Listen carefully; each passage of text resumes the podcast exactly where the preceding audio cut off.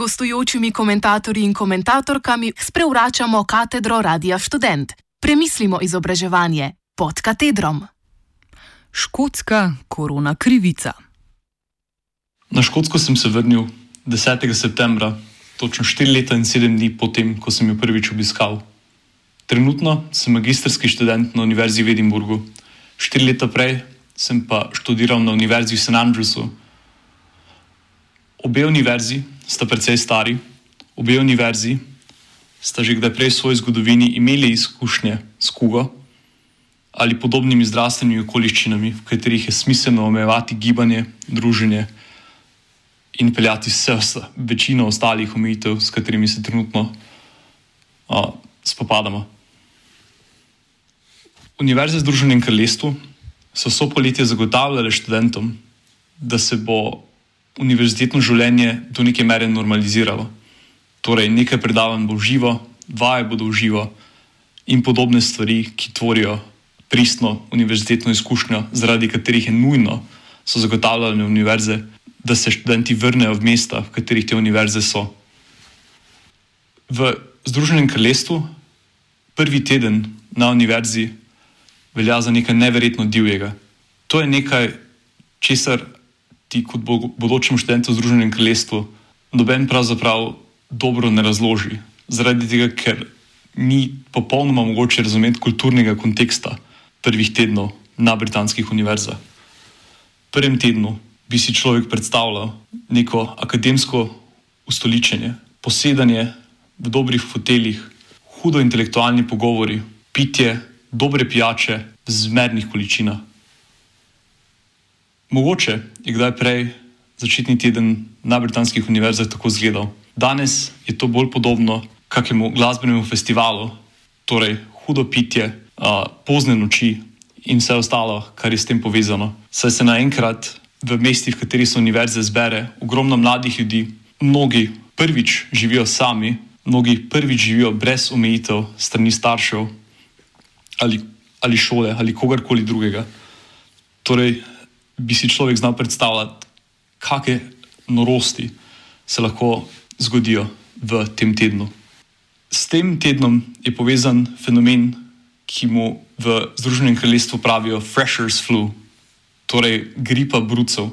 Do tega pride kot kombinacija poslabšanih imunskih sistemov, ki so posledica uporabe alkohola, poznih noči, stresa, ki je povezan s tem, da se človek preseli v novo okolje, in predvsem tega, da se naenkrat na enem mestu zberejo ljudje z cele države in v primeru večine britanskih univerz z celega sveta.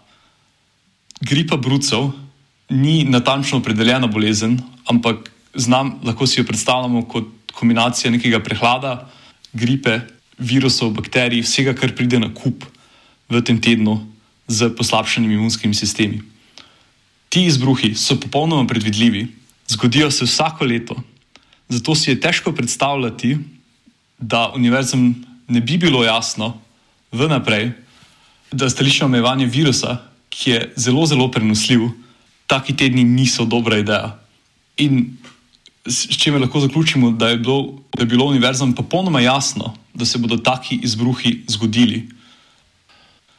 Če se vprašamo, zakaj so univerze pripeljale študente nazaj, čeprav so vedele, da bo prišlo do izbruhov celo poletje in pravzaprav še zdaj vztrajajo, da je dobra ideja biti v mestih, v katerih so te univerze, je konec koncev finančno vprašanje. In moramo delno razumeti, kako se britanske univerze financirajo. Univerze v Britaniji so plačljive. Nivo šolnine je sicer odvisen od nekih pogojev, na škotskem, specifično za dodiplomski študij, evropejci in škoti ne plačujejo, plačujejo za študij vsi ostali tujci in angleži. Univerza seveda ne more zahtevati enake, enakega nivoja šolnine, če stroškovno bazo šolnine ne vključi uporabe svojih prostorov, dostopa do tehnologije in ostalih stvari, ki predvidoma sestavljajo stroške izvajanja učenja. Po drugi strani, brez tega, da ljudje pridejo nazaj, tudi tisti, ki ne plačujejo šolnine, univerza ne bi mogla zapolniti študentskih domov, ki so danes bolj podobni kakim skandinavskim zaporom kot bivališčem za mlade študente. Ti študentski domovi so zelo dragi, dosti dražji, kot bi si človek razumno predstavljal, da študentski domovi bodo. Saj z njihovo uporabo univerze krpajo druge proračunske luknje, ki nastanejo iz raznih razlogov, kot so prenisko financiranje strani vlade, previsoki stroški zaradi poskusa večje tekmovalnosti na trgu, saj britanske univerze ob samem učenju ponujajo ogromno drugih stvari, kot so neverjetno dobre zgradbe za šport, nadstandardna oprema in podobno.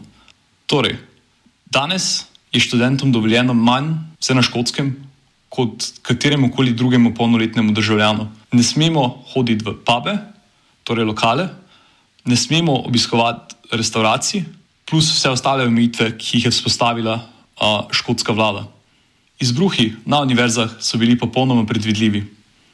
Zakaj torej so se univerze celo poletje potegovale za to, da se dejansko vrnemo?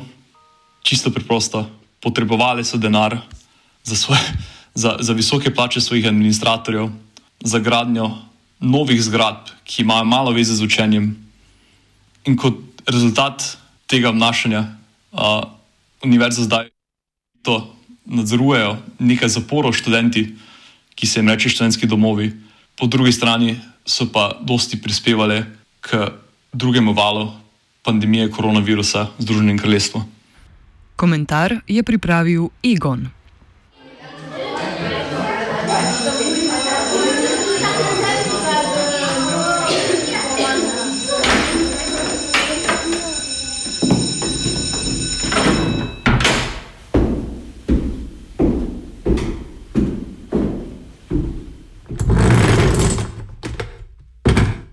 Gostujočimi komentatorji in komentatorkami sprevračamo katedro Radia Student. Premislimo izobraževanje pod katedrom.